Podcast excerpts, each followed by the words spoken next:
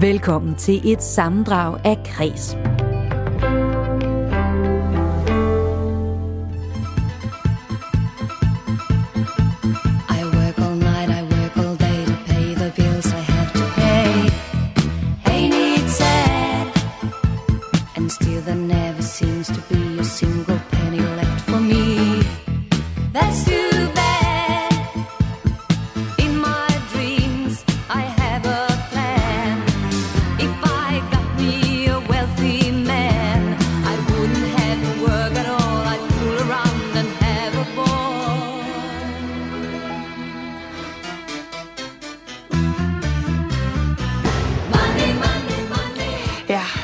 Jeg hul på dagens tema her i kreds, som er økonomi.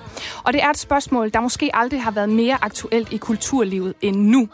Fordi selvom coronakrisen i den grad fik befolkningen til at forbruge kulturprodukter på diverse digitale platforme, så, øh, så bløder det danske kulturliv øh, på grund af livebranchen, som jo mange steder stadig er tvunget lukket. Også det, som jeg talte om øh, lige før med de danske koncertsteder.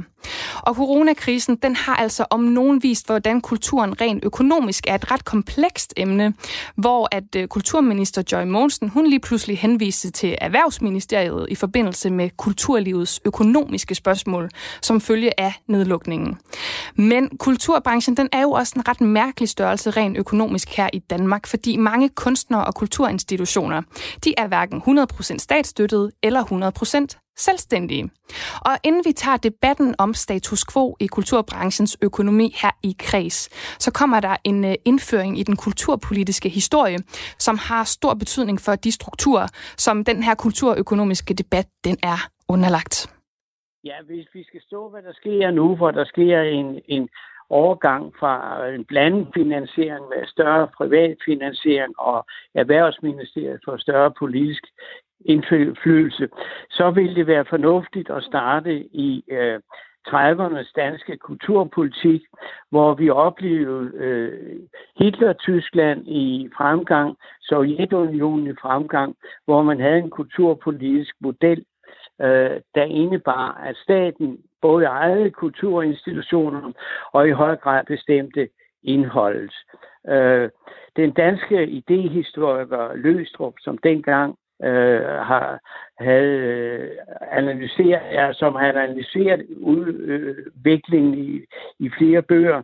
Han øh, øh, fastslog, at netop relationen mellem kultur og politik øh, er øh, meget, meget vigtig, fordi hvordan skal vi indrette kulturpolitikken i dagens Danmark, øh, så vi undgår, at kulturlivet bliver kulturpolitikens lakaj og fratages den selvstændighed, der er betingelse for, at både kunst, kultur og den nationale og internationale kulturpolitik kan blive kunsten og kulturens øh, forbundsfælde. Og det er derfor, det er relevant at diskutere i dag, jamen, er, er, er den øh, øh, arms afstand imellem øh, politik og kunst ved at blive øh, så, så kort, at øh, kulturlivet og kunsten risikerer at blive kulturpolitikens lakaj, og dermed mister øh, sin samfundsmæssige betydning, som kræver øh, total kunstnerisk og kulturel frihed. Men Peter Duelund, lektor emeritus øh, ved Københavns Universitet. Hvis vi prøver at se på, øh, på Kulturministeriet, så blev det oprettet i, øh, i 1961. Hvornår er det overhovedet, at den kulturpolitiske historie begynder? Fordi nu nævner du 30'erne, så vi har jo omtalt kulturpolitik for inden det.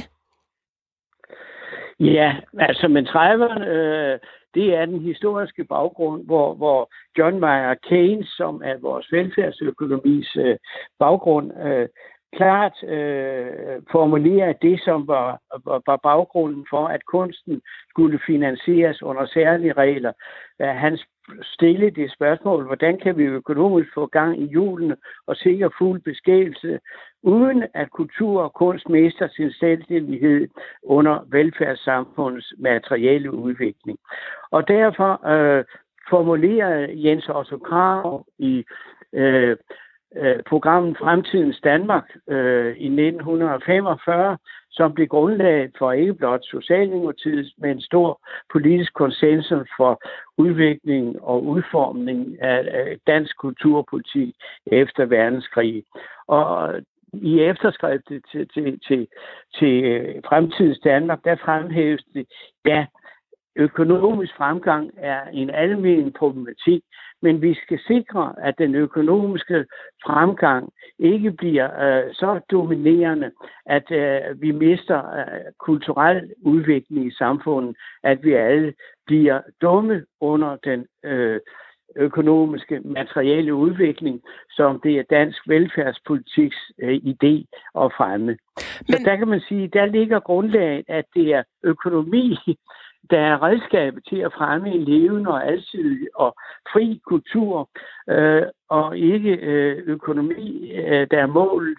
Det er kulturelle frihed og levende kultur, der er målet, og økonomi et øh, redskab til at det. I, på mange måder har vi den fornemmelse i dag, at øh, det er vendt på hovedet, så det bliver øh, øh, kulturen, der bliver spændt foran en økonomisk vogn, og ikke øh, omvendt. Men Peter, nu siger du, at, øh, at, at det var en del af velfærdsprojektet. Hvorfor valgte man i, i sin tid ikke at sige, ligesom med, hvis, noget, hvis det er noget, alle skal have, ligesom med, med sundhedssystemet, så er det noget, øh, vi 100% statsfinansierer. Hvorfor valgte man ikke at gøre det i sin tid?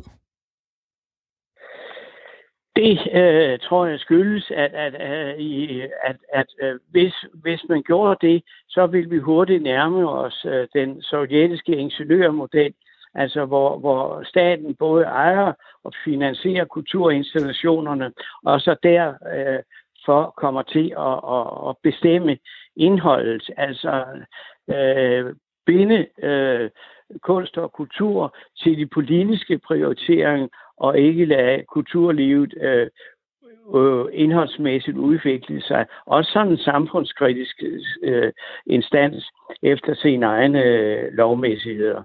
Så i virkeligheden ville det ikke være at foretrække, at staten gik ind og 100% øh, støttede øh, kunsten, øh, selvom at mange kunstnere ytrer utilfredshed med, at de ikke øh, er nok, får nok øh, altså, får ordentlig betaling helt generelt?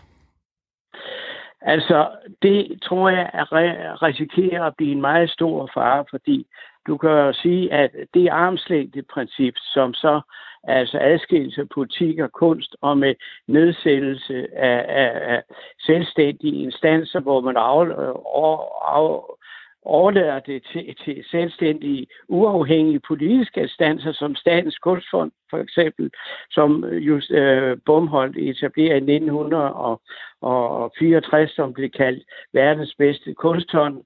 Det var fuldstændig unikt, at man overlevede øh, medlemmerne, fagkundskaben, selv under indflydelse også af kunstnernes egne organisationer, som kunne udpege medlemmer til kunstrådet, og selvstændigt tildele uden politisk mulighed for indblanding, støtten til de individuelle kunstnere osv.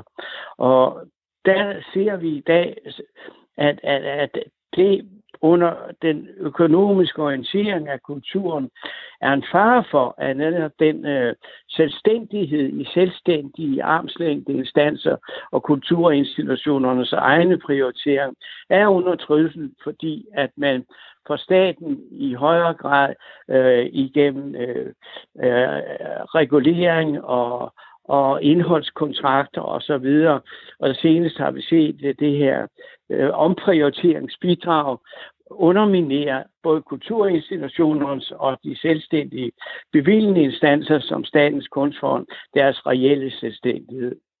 Og den udvikling øh, har vi jo set, øh, og det var derfor, at man lavede den danske model på den måde, efter armslængden-princippet, og ikke som i ingeniørmodellen i Sovjetunionen, overlod det til staten 100% at indrette og finansiere kulturinstitutionerne. Men, men Peter, kunne man så ikke sige, at, at staten skal ligesom finansiere kunsten, ligesom med sygehusvæsenet, men så bruger man det her armslængde-princip, så man indsætter nogen, der øh, beslutter, nogle uafhængige parter, der beslutter, hvem midlerne tildeles? Jo, det kunne man øh, godt sige, men altså, øh, faren er, at, at, at, at hvis man, øh, altså, hvis armslængdeprincippet ikke er der, og der skifter den udhold, det er jo også point i Statens Kunstfond, at medlemmerne udpeges for, for tre år ad gangen og kan ikke genvælges for at hindre nepotisme osv. Ikke?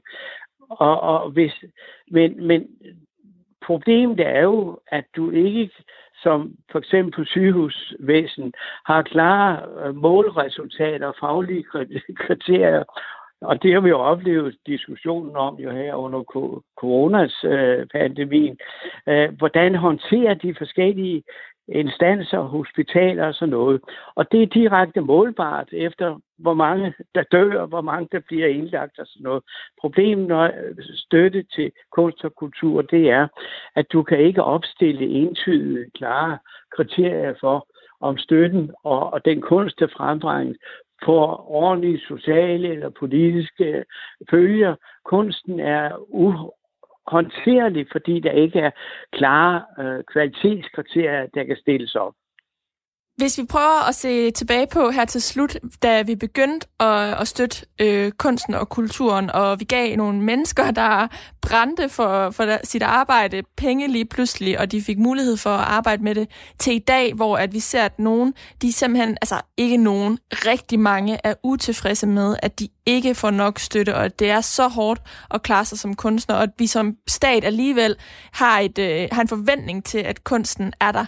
Hvor, hvor, hvordan ser du ligesom, at vi, øh, vi løser det, eller vi kommer videre herfra? Fordi vi er så gået fra, jeg ved ikke, om man kan tale om, om, om, om en storhedstid der i begyndelsen af 30'erne, hvor vi ligesom begyndte at få de her tanker om at støtte kunsten og kulturen, men, men til der, hvor vi er nu, hvordan kommer vi videre herfra på bedste vis i din optik?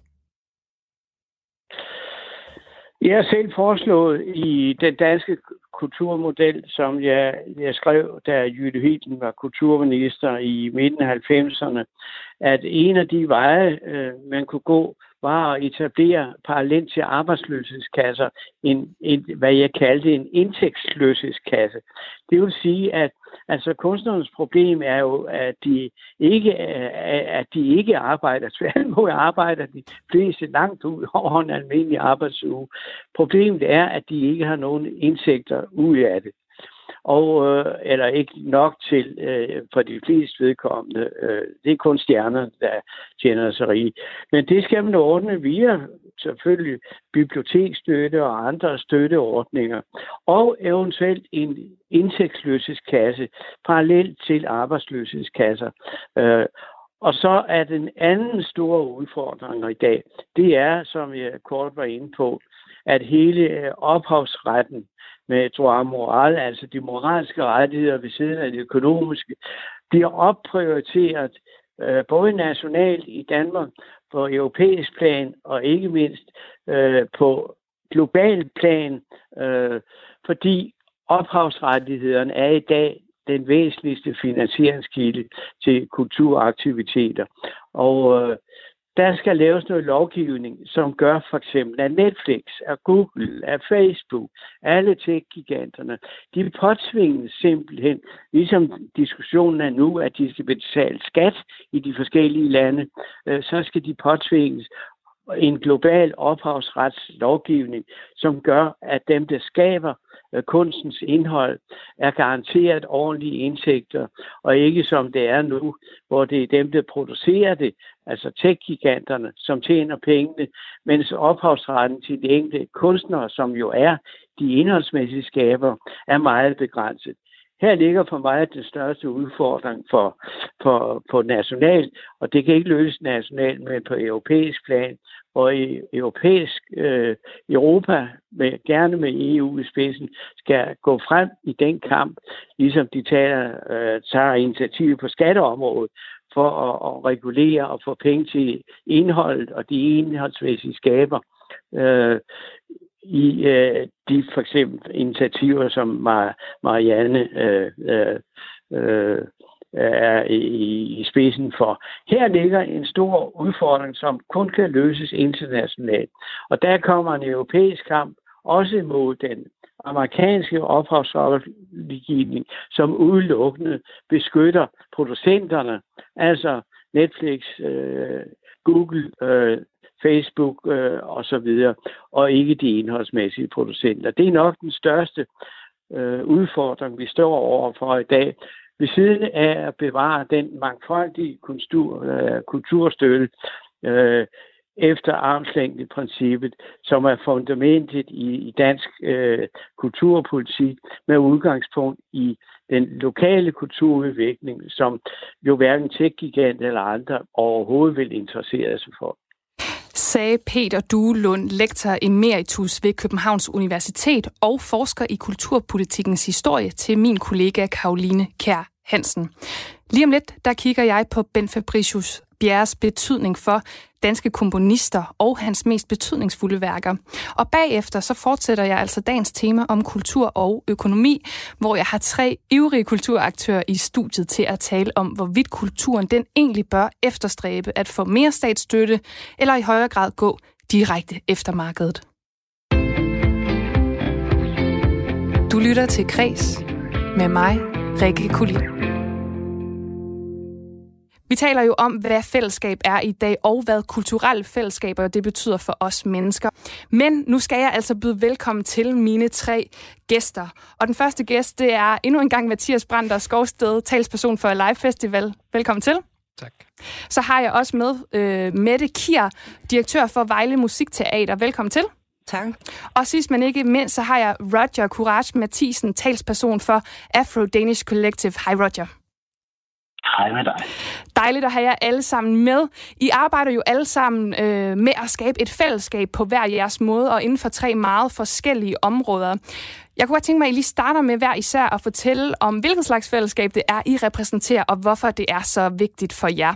Roger, har du ikke lyst til at lægge ud? Jo, det kan jeg godt. Øh, jamen, jeg repræsenterer jo en, en ny organisation, Afro Danish Collective, som i dag har 425 medlemmer, og det har vi fået på, øh, på under to måneder, øh, godt seks uger.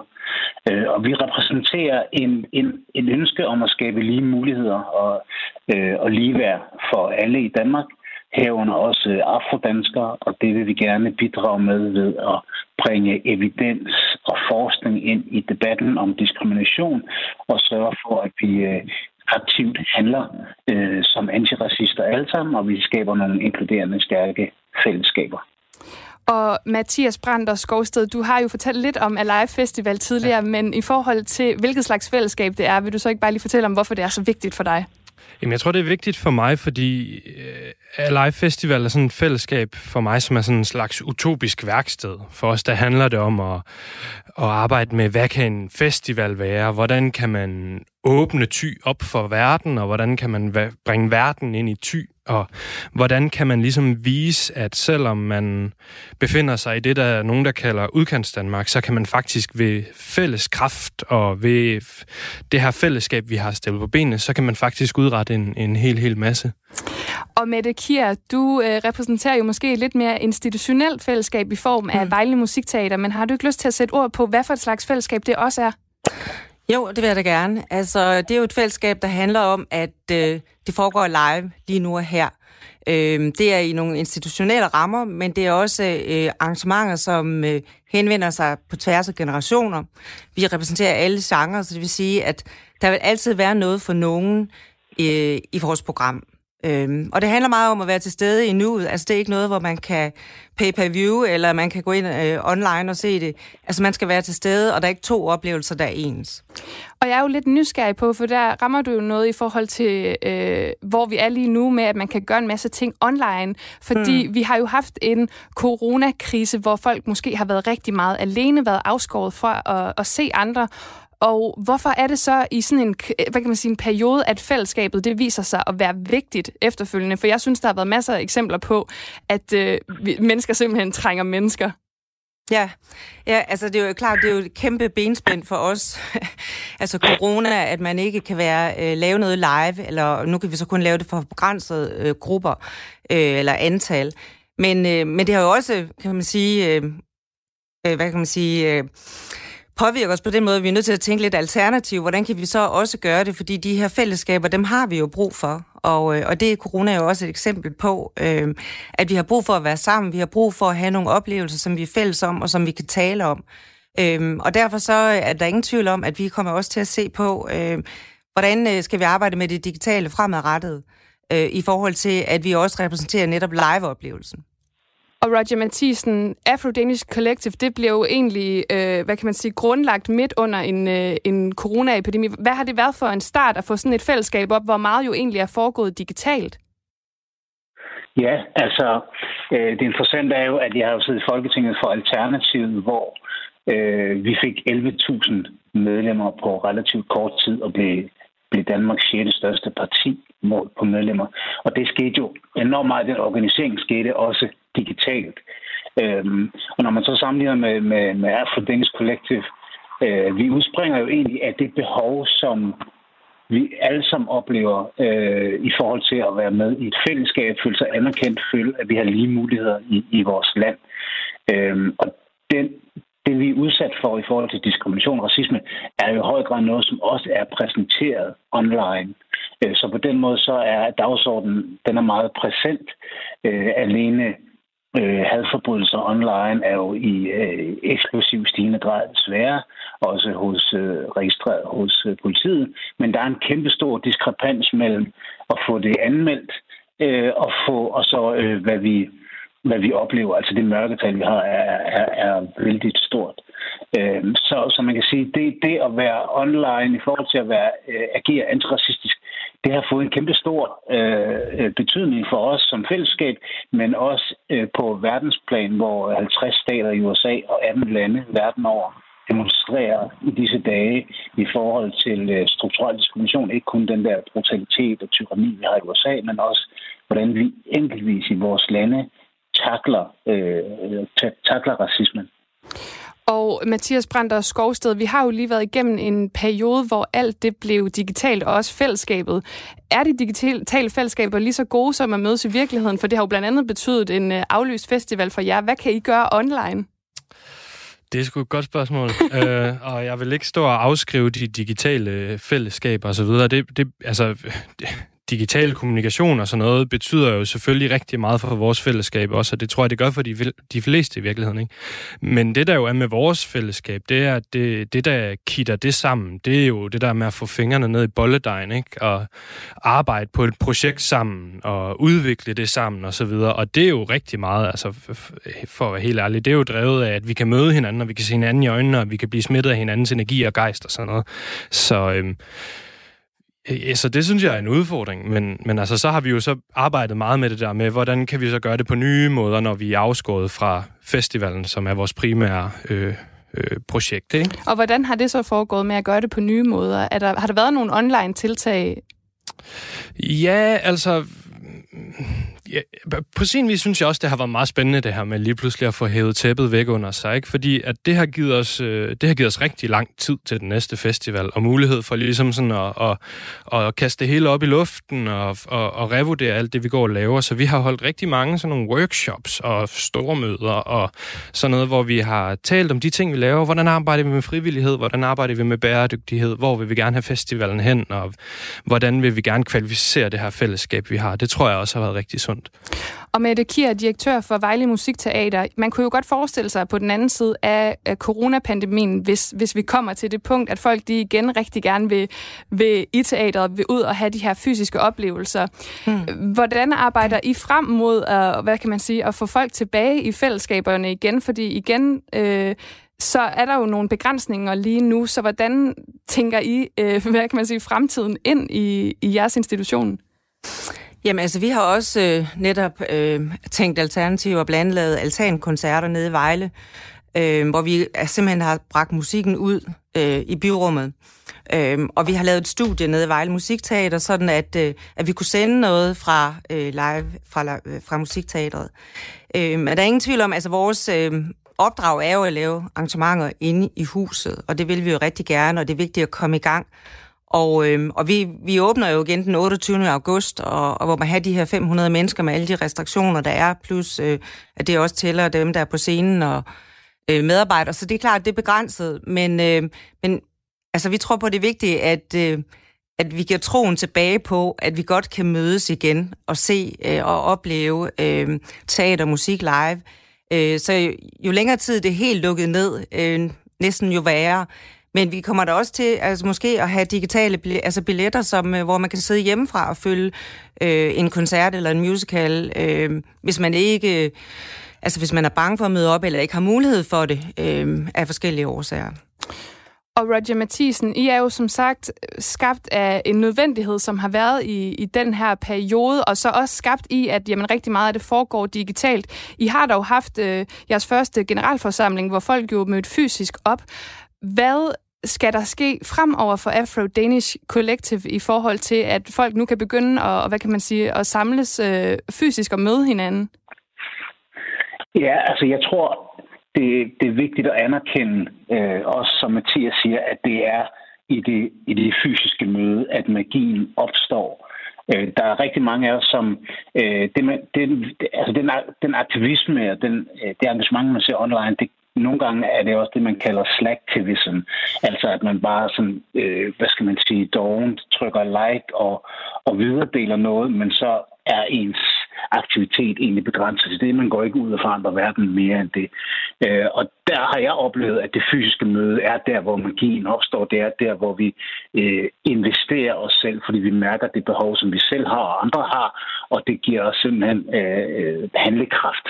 Øh, så for os, der kommer vi til at have en række antiracistiske workshops øh, rundt omkring i hele landet, Øh, altså det, der er så fantastisk ved vores organisation, er, at øh, oftest, når vi mødes i, øh, i Forenings Danmark, så er vi meget omkring vores egen interesse. Det vil sige, det, er vores, det, det er sådan en, en, kan være en snæver målgruppe, der mødes, øh, og, og bestemte kulturer. Vi er engageret i de her fællesskaber, men, men hos os, der er det alle aldre, og det er alle farver, fra hvide til brune til sorte, øh, som, som mødes aktivt i ønsket om at afvikle strukturel racisme. Så det kommer vi til at, at manifestere ned i nogle fysiske øh, workshops, øh, som, som igen skal, skal føde ind til at, og anerkende, at vi er nødt til at være aktive. Hvis vi skal skabe ligeværd for alle, så er det ikke nok bare at sige, at jeg er ikke racist. Du er nødt til at være en, en øh, antiracist. Um, så det glæder jeg mig rigtig meget til at sætte på dagsordenen. Og Roger, han er, Roger Mathisen, han er jo lidt inde på det her med at, øh, hvad kan man sige, at sammensætte et bredt fællesskab på tværs af forskellige kategorier. Er det noget, I arbejder med, øh, Mathias Brander Skovsted, på Alive Festival i forhold til at sikre et fællesskab, som også måske for eksempel går på tværs af øh, alder og køn og øh, etnicitet osv.? Altså, hvordan sikrer man et bredt og mangfoldigt fællesskab? Jamen, det, det, det kan godt være svært, synes jeg, eller sådan, fordi Øhm, det, det er i hvert fald noget af det, som jeg føler, vi har arbejdet meget med, fordi vores projekt er så lokalt forankret, og det er sådan i sagens natur er startet med folk, der har haft et nær tilknytning til Ty, der har lavet det osv. Øh, men hvordan sikrer man så, at, øh, det, at vi i det her fællesskab ikke ekskluderer andre, som også brænder for det her projekt, selv, selvom de ikke har den der nære tilknytning til Ty? Ikke? Så det synes jeg, det har vi arbejdet rigtig meget med, ligesom at få udvidet flokken og få gjort plads til, til alle mulige forskellige typer og sådan noget. Og det synes jeg, det er et svært, men ekstremt vigtigt stykke arbejde, fordi øhm, øh, det der med at være i fællesskaber, det skal man jo også være opmærksom på, det er, det har altid også en snas af eksklusion i sig, ikke? Øh, hvor vigtigt det end er, så skal man være opmærksom på, at man altid, der er altid nogen, der ikke er plads til i, i sådan et fællesskab, og det tror jeg er ekstremt vigtigt at have for øje og arbejde rigtig meget med, og det har vi gjort meget sådan de seneste år. Og vi vender lige tilbage til det der med, om man kan lave, altså kan man lave et fællesskab for alle, eller om det er umuligt. Men jeg kunne godt lige tænke mig at høre dig, Mette Kier, øh, direktør for Musikteater i Vejle. Arbejder I med i forhold til måske de tilbud, I har til, til folk, at sikre et øh, bredt, øh, mangfoldigt publikum, og måske også på tværs af alder? Altså findes der noget, der både kan samle de helt små, og så de helt øh, gamle, skulle jeg til at sige, de ældre? Jamen, det gør der da. Altså, og, og vi har meget vægt, eller meget fokus på det, øh, fordi det er vigtigt, at at musikteateret er for alle. Øhm, og også at øh, kulturen det er, altså det er med til at fremme livskvalitet. Det er vigtigt, at vi får nogle gode kvalitetsoplevelser sammen på tværs. Øhm, så sådan noget som for eksempel, hvis jeg skal komme med noget konkret, altså når man laver store øh, store film som Ringenes Herre og med stort symfoniorkester, så får du både øh, dem, som elsker den symfoniske musik ind i teatret, men du får også alle de unge, som elsker Ringenes Herre. Og, og der mødes du på tværs af generationer. Øhm, og det samme er egentlig også så gældende med musical, som går meget, meget bredt.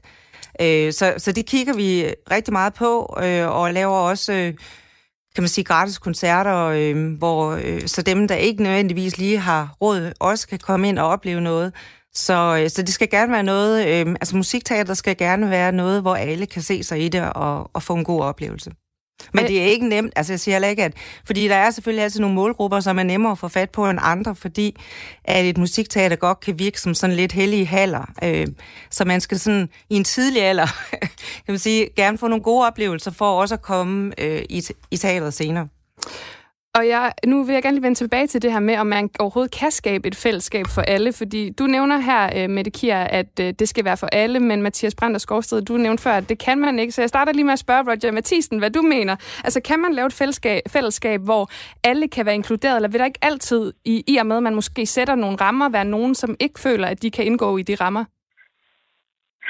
Øh, jo, jeg vil gerne give to øh, hurtige eksempler.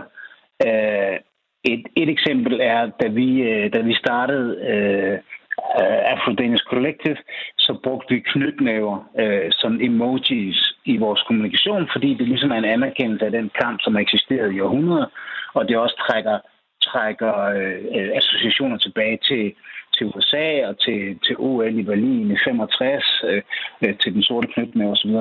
Og, og der var så en, som skrev til os, hvorfor er der ikke en hvid knytnæve med? Jeg føler mig ikke inkluderet. Øh, og den her organisation handlede om at skabe ligeværd mellem alle, så hvorfor gik I ikke bare til en udnyttende med?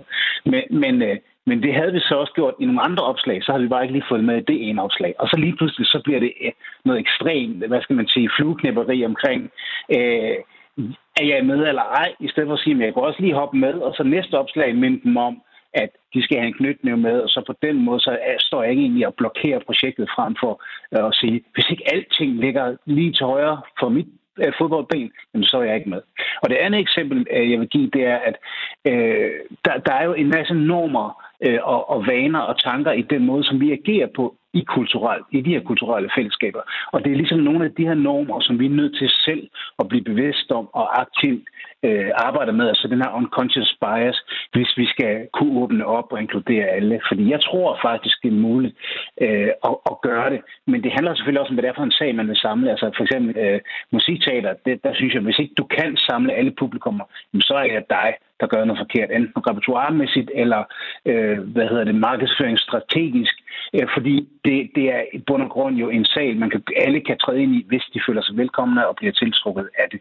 Noget andet er så, hvis du har en meget sådan snævre fællesskaber, hvor du vil, du vil lave, hvad skal vi sige, øh, øh, hækle så er det jo ikke alle, du kan få med til at hækle. Sådan er det bare, fordi det igen normativt og kulturelt øh, er en meget snæver gruppe, som, som hækler. Ikke at vi ikke kan udvide den, men, men den er på forhånd meget snævert defineret. Så det kommer selvfølgelig an på, hvad det er for et fællesskab, man, man arbejder på. Men og så det sidste, vil jeg sige, det, vi, det jeg laver, jeg har jo en, en, organisation, en virksomhed ved siden af, der hedder Courage Institute, og vi laver faktisk den første øh, platform i Skandinavien, som arbejder med træningsprogrammer i foreningslivet til at være mere mangfoldig og inkluderende, hvor man simpelthen forankrer den her indsats, så man bliver øh, mere øh, bevidst omkring det og har nogle, øh, nogle konkrete redskaber til at, at udvide sin, sin øh, mangfoldighed og inklusion i, i foreningen.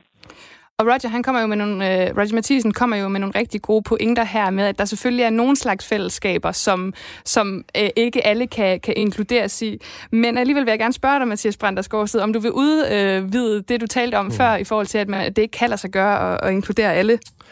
Ja, det vil, det, det vil jeg da godt prøve på. øhm jeg tror, jeg, jeg, jeg er meget enig i, og det ligger mig rigtig meget på senden at prøve at arbejde med ens fællesskab på en måde, hvor alle kan være i det, hvor alle kan føle sig velkommen i det. For eksempel for os at lave en festivalplads, hvor det er behageligt for alle at være, hvor alle føler sig trygge osv. Men vi kan ikke, vi bliver irrelevante, tror jeg, hvis vi forsøger at lave en festival, som alle synes, det er interessant at være på, eller som alle, som synes, tal, altså som alle føler taler til en, for eksempel med det musik, vi booker, eller så videre. Så der tror jeg også, det er vigtigt at at have for øje, men laver man kulturelt fællesskab, så har man en mission. Og det skal være den, hvis, hvis man kan se sig i den mission, og det, som man laver, Altså, det skal være det, der sorterer folk fra. Det skal ikke være, hvorvidt man føler sig velkommen eller inkluderet eller så videre. Men, men jeg tror, det er utopi at tænke, at man kan skabe en hel masse interessante kulturelle fællesskaber, som alle synes er vigtige, og som alle føler sig, øh, som alle er interesseret i på den måde, ikke? Og jeg kunne godt lige tænke mig at høre jer hver især, måske starte med dig, Mette Kier. Øh, hvis du kunne prøve at sætte ord på, altså hvad er et godt fællesskab for dig? Jamen altså, det handler jo om, at, øh, at vi får nogle, kan man sige, nogle fælles oplevelser, som også giver nogle fælles referencer, øh, så vi også øh, kan have en, en god dialog sammen. Øh, så for mig er der kulturen med til at, øh, at fremme det, også øh, altså fremme den demokratiske dialog, men også øh, at man øh, ja, i det hele taget, øh, hvis det er rigtig, rigtig godt, ikke, så får du også øh, nye vinkler på, hvordan øh, livet er.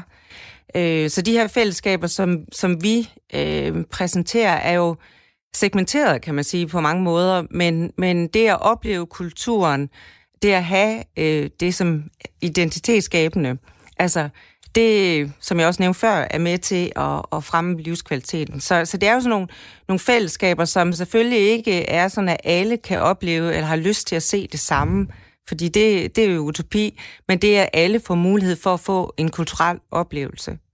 Øhm, ja. Jeg kunne også godt tænke mig at måske også få det politiske lidt ind i det i virkeligheden, fordi Roger Mathisen, hvordan kan et øh, kulturelt fællesskab, øh, eller, og måske også et politisk fællesskab, som øh, Afro-Danish Collective er, hvordan kan det være med til at ændre noget sådan rent politisk? Mm. Jamen, jeg tror igen, vigtigheden af, at vi samles, det er jo der, hvor at vi skaber vores, øh, vores samfund. Øh, og jeg har, jeg har siden jeg øh, stillede op til Folketinget, sagt, at politik er ikke kun noget, der, der foregår på Christiansborg. Politik er måden, vi udvikler vores samfund på i fællesskab. For det er jo i bund og grund, hvad, hvad, hvad demokratiet er. Det er en forpligtende øh, styreform, som gør, at, at, at vi alle sammen har øh, indflydelse, hvis vi aktivt udøver vores øh, demokratiske frihedsrettigheder. Hvis vi bare læner os tilbage og brokker os og bitcher os, så kommer vi altså ikke nogen vegne. Øh, og det er jo det, som for mig, når du spørger, hvad er et godt fællesskab for mig, jamen det er et forpligtende fællesskab. Det er et fællesskab, hvor, vi er, hvor der er plads til os alle sammen, hvor vi føler os inkluderet, og vi føler, at vi bidrager, men også, at vi er forpligtet til at bidrage. Vi er forpligtet til, og når vi træder ind i det her fællesskab, øh, og sørge for, at det, det lever og blomstrer videre. Og det kan man jo gøre på mange forskellige måder øh, i forhold til at engagere, om det er et publikum eller det er mere aktivt deltagende. Øh, men men det, det, der er vigtigt for mig i et fællesskab, det er, at det er, det er forpligtende, og det, det, det er med til at, at bygge, bygge op. Og Mathias Brander Skovsted, jeg ved jo, du er en del af mange forskellige fællesskaber, og det er noget, du brænder for, men jeg kan ikke lade være med at tænke på, nu har vi lige været lidt inde på det politiske her. En, en musikfestival, som, som er live, er den politisk, eller skal den overhovedet være politisk, eller skal det bare være et sted, som i virkeligheden er et frirum? Den skal jo nok ikke være, altså i hvert fald ikke vores festival, skal nok ikke være politisk sådan i partipolitisk forstand, vel? men altså vi føler jo også, at vi har et politisk projekt, der handler om for eksempel at, øh, at vise, at øh, en tilrejsende, en stor del af vores øh, publikum kommer for eksempel fra København, ikke? at en tilrejsende københavner lige pludselig rent faktisk godt kan have et fællesskab med en lokal tybo, for eksempel. Altså det synes vi, der er et demokratisk og et, et meget, meget vigtigt politisk projekt i, i princippet. Ikke? Og det tror jeg egentlig er sådan en generelt vigtig pointe omkring de her kulturelle fællesskaber, det er, at de er det, for mig er det indbegrebet af at være demokratisk borger, det er at, at engagere sig, investere sig i fællesskaber med andre. Det er det, der er den politiske handling for mig at se. Ikke? Øhm, så det synes jeg nemt, man kan sige, vi er. Mm-hmm. Og med det i forhold til Vejle Musikteater, er, altså, er politik indblandet i, i den måde, I tænker, øh, hvad kan man sige, kultur ind på, eller handler det bare om også at give folk en god oplevelse, når de er sted hos jer? Øh, det er jo både og. Altså folk må rigtig gerne få en, en god oplevelse. Det, det er jo det er rigtig vigtigt. Øh, men altså, det handler også om at være aktuel og vedkommende. Øh, så i vores programlægning, altså der vil vi jo gerne øh, også skabe debat. Så på den måde, så kommer det politiske jo ind i forhold til det indholdsmæssige, som vi præsenterer. Øh, og I beskæfter jer jo her med her til sidst, kunne jeg egentlig godt tænke mig at lige høre, fordi nu har vi snakket sådan i, i 20-25 minutters tid. Øh, det er jo som sagt tre meget forskellige former for fællesskab, og jeg kan måske starte øh, med dig, Mathias Brandt og Skovsted. Hvad tror du, du kan lære af de to andres form for fællesskab? Øh, jamen, øh, en hel masse, tror jeg. Altså, øh, øh, jeg tror, som du selv siger, så arbejder vi på, på tre meget for, eller ret forskellige flanker, ikke? Og jeg, altså, jeg føler ikke, mit fællesskab er et hak bedre end de andre, så jeg synes både, jeg synes deres begge sager er gode og vigtige, og, og forskellige typer kultur er rigtig vigtige, men det er også rigtig vigtigt, at der er de her forskellige fællesskaber, sådan så man kan finde det, som giver mening for en, og man kan, som man også brænder for, ikke? Du lytter til Kres med mig, Rikke Kulin. Hver dag de næste to uger, der ser jeg nemlig nærmere på et tema af aktuel og kulturpolitisk karakter. For selvom folkemødet på Bornholm det blev aflyst, så skal det altså ikke afholde os her på Kreds fra at stå for de vigtige samtaler om kulturens værdi. Og i dag der er temaet altså de unge. Og nu kan jeg byde velkommen til jer, Mathias Brander Skovsted, leder af kulturplatformen Frontløberne i Aarhus. Velkommen til. Tak. Så har jeg også besøg af Jon Auring Grim, projektleder ved Kulturmetropolen i Ishøj. Velkommen til. Hey, tak. og ikke mindst Mikkel Abrahamsen, medlem af Tænketanken for Unge Kultur. Der er en gruppe øh, af unge nedsat af Slots- og Kulturstyrelsen til at rådgive de nationale initiativer på området. Velkommen til. Mange tak. Så fik vi budt velkommen ordentligt til jer alle tre. I arbejder jo alle sammen øh, på den ene eller anden måde med at inddrage unge i kulturlivet. Hvorfor? Jo, altså det... Øh Øh, det, det gør vi fordi, eller det gør jeg fordi, at øh, unge kultur, øh, hvis man skal være en kulturbærende institution, så er det også vigtigt, at man er kulturudviklende. Og øh, det er vigtigt, at de unge har et sted at gå hen for at øh, selv prøve deres egne idéer af. Øh, det tror jeg er vigtigt, ikke bare for at overtage øh, de værdier, der gør sig gældende i samfundet, men også for at ligesom, øh, reflektere dem i egne projekter og udvikle dem. Altså kulturudvikling er også kulturbærende i en vis forstand, og det, det tror jeg er vigtigt at tænke på. Og der er det enormt vigtigt, at de unge kommer på banen. Ja, og Mathias, du beskæftiger dig jo også øh, med ekstremt mange projekter. Hvorfor? Jamen, det er jo fordi, at øh, jeg tror, der er mange unge, der kan spejle sig i at brænde for mange ting, eller brænde for noget rigtig meget. Og jeg synes, at øh, nogle af de mest øh, vedkommende, nogle af de vigtigste og nogle af de mest kreative projekter, jeg møder på min vej, det er unge, der skaber dem.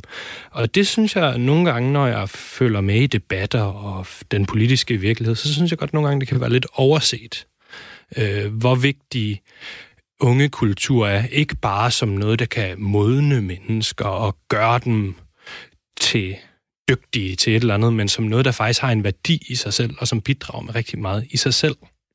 Og øh, Mikkel Abrahamsen, du er jo en af de unge på en eller anden måde. Du er jo med til at rådgive, siger de voksne i godsøjen, dem der øh, står for mange af de politiske beslutninger. Hvorfor havde du lyst til at, at være en del af det? Jamen, det handler i virkeligheden om et inddragelsesaspekt med, at man også har brug for unge til at kvalificere og til at forbedre de kulturinstitutioner, vi har. Kulturinstitutionerne, de skal være for alle. Og det er ikke altid, at man som museumsdirektør lige har fingeren på pulsen med, hvad der foregår på ungeområdet. Og det er så der, hvor vi står til rådighed. Ja, og jeg er jo lidt nysgerrig i forhold til, hvordan I mener det, eller hvordan det står til i øjeblikket øh, på området, øh, området med at engagere unge i kulturlivet. Fordi lige nu har der jo været en coronakrise, som har øh, sat øh, en masse ting på pause, men måske også har startet nogle nye ting. Så i forhold til, at vi står her midt i juli og er sådan lidt under en pandemi, som måske blusser op igen til efteråret, hvordan går det så med at engagere de, øh, de unge i øjeblikket? Jamen, det er da klart, at det oplever jeg i hvert fald på mit arbejde med at, at lede en, en kulturplatform, at det har jo været en svær tid. Altså, noget af det, som øh, øh, meget unge kultur lever jo netop ikke af penge, fordi så levede det sjældent. det lever af at øh, arbejde med ting og mødes med ting i fællesskaber, og det er jo ligesom en ressource, som folk har været afskåret fra i den her tid. Så, så, så vi mærker da tydeligt, at, øh, at det, det, det er en svær tid. Øh, så jeg tror, det gælder om at være rigtig opmærksom på, at når vi nu begynder at kunne åbne lidt op igen, jamen så, øh, så, skal, så skal de forskellige kulturinstitutioner øh, og, og fællesskaber, vi repræsenterer, vi skal virkelig være der og, og, og, øh, og understøtte al den energi, som forhåbentlig helt naturligt, det tror jeg da i hvert fald, vil begynde at, at blusse frem igen, ikke? Og Jon Auring du arbejder jo med at sådan, hvad kan man sige, øh, udbrede kommunale tilbud om ungekultur, og særligt i mindre kommuner. Hvordan, har det, hvordan er det gået for dem under corona? Har de været på pause, eller har det været muligt at, øh, for de unge at, at lave andet end at sidde derhjemme? Altså, det, det er gået utrolig svært, vil jeg sige. Det er en, en forudsætning ret ofte for det arbejde, vi laver, og de unge grupper, som vi har berøring med, det er, at man kan mødes fysisk øh, og have en oplevelse af et fællesskab, øh, og det er meget svært at formidle, når man ikke kan mødes. Øh, så, så, så vi har været ret meget på pause, for at være helt ærlig. Øh, det har været en, en meget svær tid, øh, og jeg håber, jeg glæder mig meget til, at vi kan komme ud og have de konkrete møder igen. Øh, ja. Er der nogen udsigt til, hvornår det kommer til at ske? Ja, altså vi har nogle initiativer allerede her i øh, august faktisk, hvor vi skal øh, mødes med unge fra de respektive kommuner og skal udvikle. Det var, det var et initiativ, vi allerede havde sat i gang tilbage i april, eller det var egentlig sat i gang i januar, og så skulle vi mødes i april og udvikle der og, og have en form for idéudvikling, som også kunne pege fremad.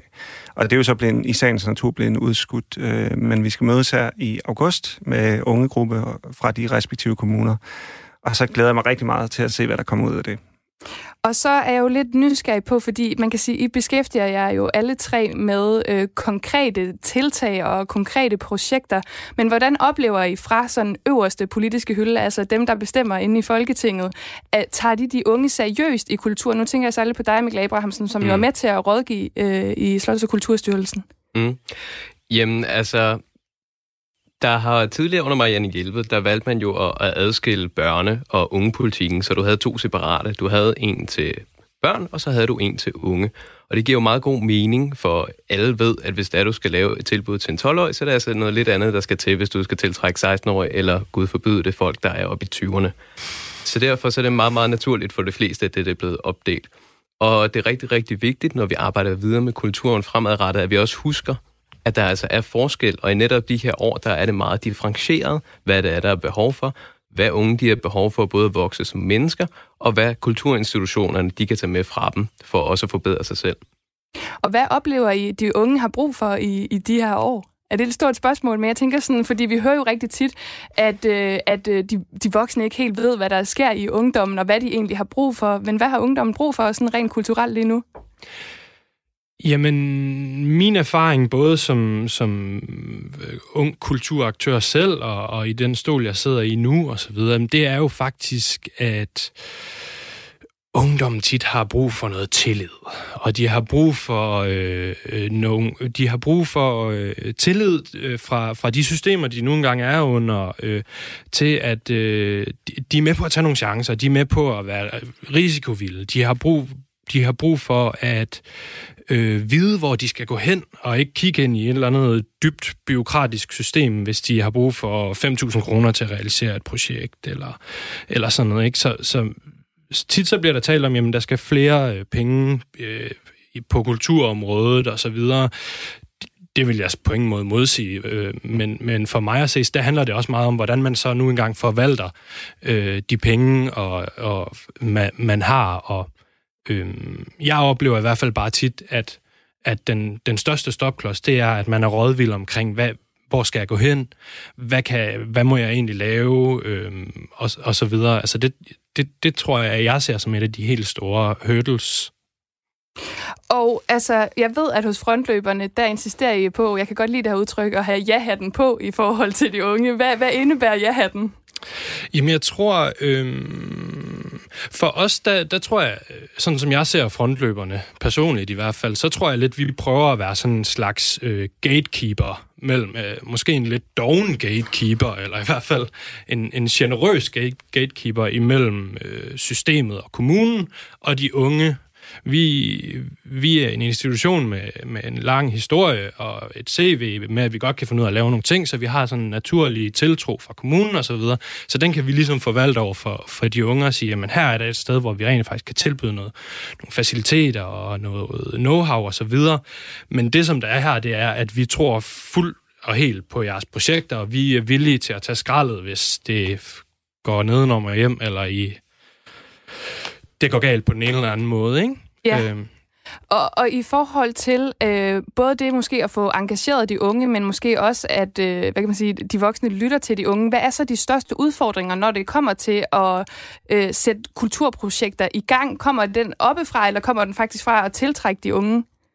Ja, jeg tror, den øh, kommer forhåbentlig begge steder fra, øh, kan man sige. Øh, det, det, det er jo forskelligt fra kommune til kommune af min øh, erfaring. Ikke? Altså, visse steder har man gode, etablerede ungegrupper, øh, måske tilknyttet et øh, ungeråd eller øh, en en, en, øh, en ungdomsskole eller sådan noget, øh, hvor at der, er et, et, et rigtig driftigt ungdomsmiljø, og andre, øh, andre kommuner, der mangler man stadigvæk at få etableret det her rum, hvor de unge kan gå hen med deres egne projekter. Og det er klart en udfordring, fordi det, det som jeg arbejder med, øh, det er jo, at det er unge, der kan gå øh, dertil med alle mulige projekter. Øh, altså ligesom frontløberne eksempelvis. Ikke? Altså, hvis der er nogen, der er interesseret i i litteratur, jamen så kan man realisere noget litteratur her, hvis der er nogen, der er interesseret i malerkunst. Så det vil sige, det er også meget svært at give en, en fuldstændig klar model på, hvad er det, hvad er det, øh, der skal til, og hvad er det for et rum, der skal skabes. Og der må man i høj grad bare lytte til øh, de unge selv og de, de unges behov. Og så tror jeg også noget, der, der er vigtigt, det er, at, at man har mere fokus på proces end resultat. At der er noget værdifuldt i simpelthen at indgå i det kulturskabende i sig selv, som ikke nødvendigvis bare kan måles på, at vi har det her færdige resultat, eller det kan måles og vejes. Det, det er sgu sjældent, sådan øh, kultur fungerer. Og Mikkel Abrahamsen, du er jo medlem af Tænketanken for Unge Kultur. Jeg tænker også i, i det job, eller i, i, i den praksis, der er der også rigtig meget fokus på selve processen. Mm. Hvilke udfordringer oplever I i den proces? Altså i forhold til, til det arbejde, vi laver? Ja, og i forhold også til den her måde at få engageret de unge på. Mm. Altså er, der, er det modstand fra, mm. øh, fra Kulturstyrelsen, Slot- og Kulturstyrelsens side, eller, eller kommer den fra de unge? Det er i hvert fald ikke fra Slot til Kulturstyrelsens side. men, øh, men jeg tror, at nogle af de problemer, vi løber ind i, de, de ligger lidt begge steder. Altså, hvis vi starter med, med det unge, de ligesom vokser op med at få med hjemmefra, det er, hvis de engagerer sig for eksempelvis i deres elevråd, så har de en masse idéer. Altså den kreativitet og alle de idéer, som du finder i et elevråd, den er jo fuldstændig sindssyg. Men så bliver man mødt med et nej, og man bliver mødt med et til nej. Kan vi farve den væk lilla? Nej, det kan vi heller ikke, fordi skolen skal se sådan her, sådan her ud. Du bliver mødt med så mange nejer, at når du så kommer ud af folkeskolen, så er du opdraget med, at jeg kan ikke ændre det samfund, jeg er en del af. Så unge, de tror heller ikke, de kan være med til at ændre de kulturinstitutioner, som de indgår i. De tror ikke, at de kan bidrage på en, en, en interessant eller en spændende måde til både deres lokalsamfund, men også kulturinstitutionerne. Og det er det, som vi har brug for at vende. Det er det, vi har brug for, at kulturinstitutionerne er med til at sige, prøv at høre her, vi åbner armene. Vi er, er klar til at tage skraldet, netop som der også bliver sagt. Hvis det her det går galt, vi er klar til at tage en chance og så prøve noget nyt af. Øh, så at de unge de netop kan få blod på tanden endnu en gang på og tro på, at de kan ændre den verden, som de er en del af. Men det her med at starte med at tro på, eller hvad kan man sige, tværtimod ikke at tro på, at man kan være med til at, at ændre øh, hvad kan man sige, status quo, hvordan får vi så vendt den konkret i forhold til, at, at man ligesom vokser op med en tro på, at man selv kan være med til at skabe projekter, og selv være med til at gøre noget rent kulturelt? Ja, Mikkel Abrahamsen. Jamen altså, man har jo haft sådan nogle projektmæger øh, forløb rundt omkring i Danmark, øh, som blev støttet for nogle år tilbage, og de har jo været med til at give rigtig, rigtig mange unge værktøjer til at ændre den hverdag og de lokalsamfund, samfund, som de indgår i, og har været super værdifuld i at skabe sådan en form for ungdomskulturel fødekæde, hvor at unge de får værktøjer til at kunne ændre og skabe flere projekter øh, i, i deres lokalsamfund og i resten af landet. Ikke? Ja. Mathias Brænder? Ja, men jeg tror, altså, jeg synes, øh, noget af det Mikkel han arbejder med, det er ekstremt vigtigt, fordi Mikkel han arbejder med øh, fællesskaber, hvor unge øh, laver fællesskaber for unge. Øh, og det tror jeg er rigtig vigtigt, at man giver unge plads til øh, at organisere sig selv. Sådan så jeg synes, der er rigtig mange gode øh, intentioner fra politikere om, nu skal vi gøre noget hold for, nu skal vi gøre noget for de unge. Vi laver en ungdomsskole med øh, et voksent lederteam, som kan sørge for en masse sunde aktiviteter osv. Jeg tror, det er super vigtigt, at vi, øh, at vi giver plads og rum til, at øh, de unge selv kan organisere sig om sig selv. Øh, Ja, øh, og altså, jeg tænker sådan lidt på, fordi vi snakker jo meget om sådan, lige nu måske om sådan nationale indsatser. Bør ansvaret i virkeligheden ligge længere ned i hierarkiet, altså ude i kommunerne? Det arbejder du jo blandt andet med, øh, Jon Auringgrim. Øh, jamen, altså, det, jeg tror, det er vigtigt. Det er alfa og omega, at der er de her initiativer og det fokus i de forskellige kommuner. Øh, og øh, det kan man så også sige, at de kommuner, jeg arbejder med, er der jo øh, opbakning til, at, at man har lyst til at arbejde med, med unge grupper. Så, så der møder jeg ikke øh, den modstand. Øh, det vil også være underligt. Øh, så ja, det er meget vigtigt, at det også fungerer på kommunalplan. Det er meget vigtigt, at det kan være meget lokalt, og så er jeg i øvrigt enig i, jeg, jeg synes, det er meget vigtigt, at der er en meget kort vej til pengene. at, at, fordi det er ret ofte så er det relativt små penge, vi snakker om, mm. for at realisere projekter, som kan være enormt betydningsfulde for den og den unge gruppe. Og det er altså en god idé, at, der bare, at, at, at det er relativt nemt øh, at, at komme til de penge og... Øh, øh, også afrapportere fra dem osv. Mm.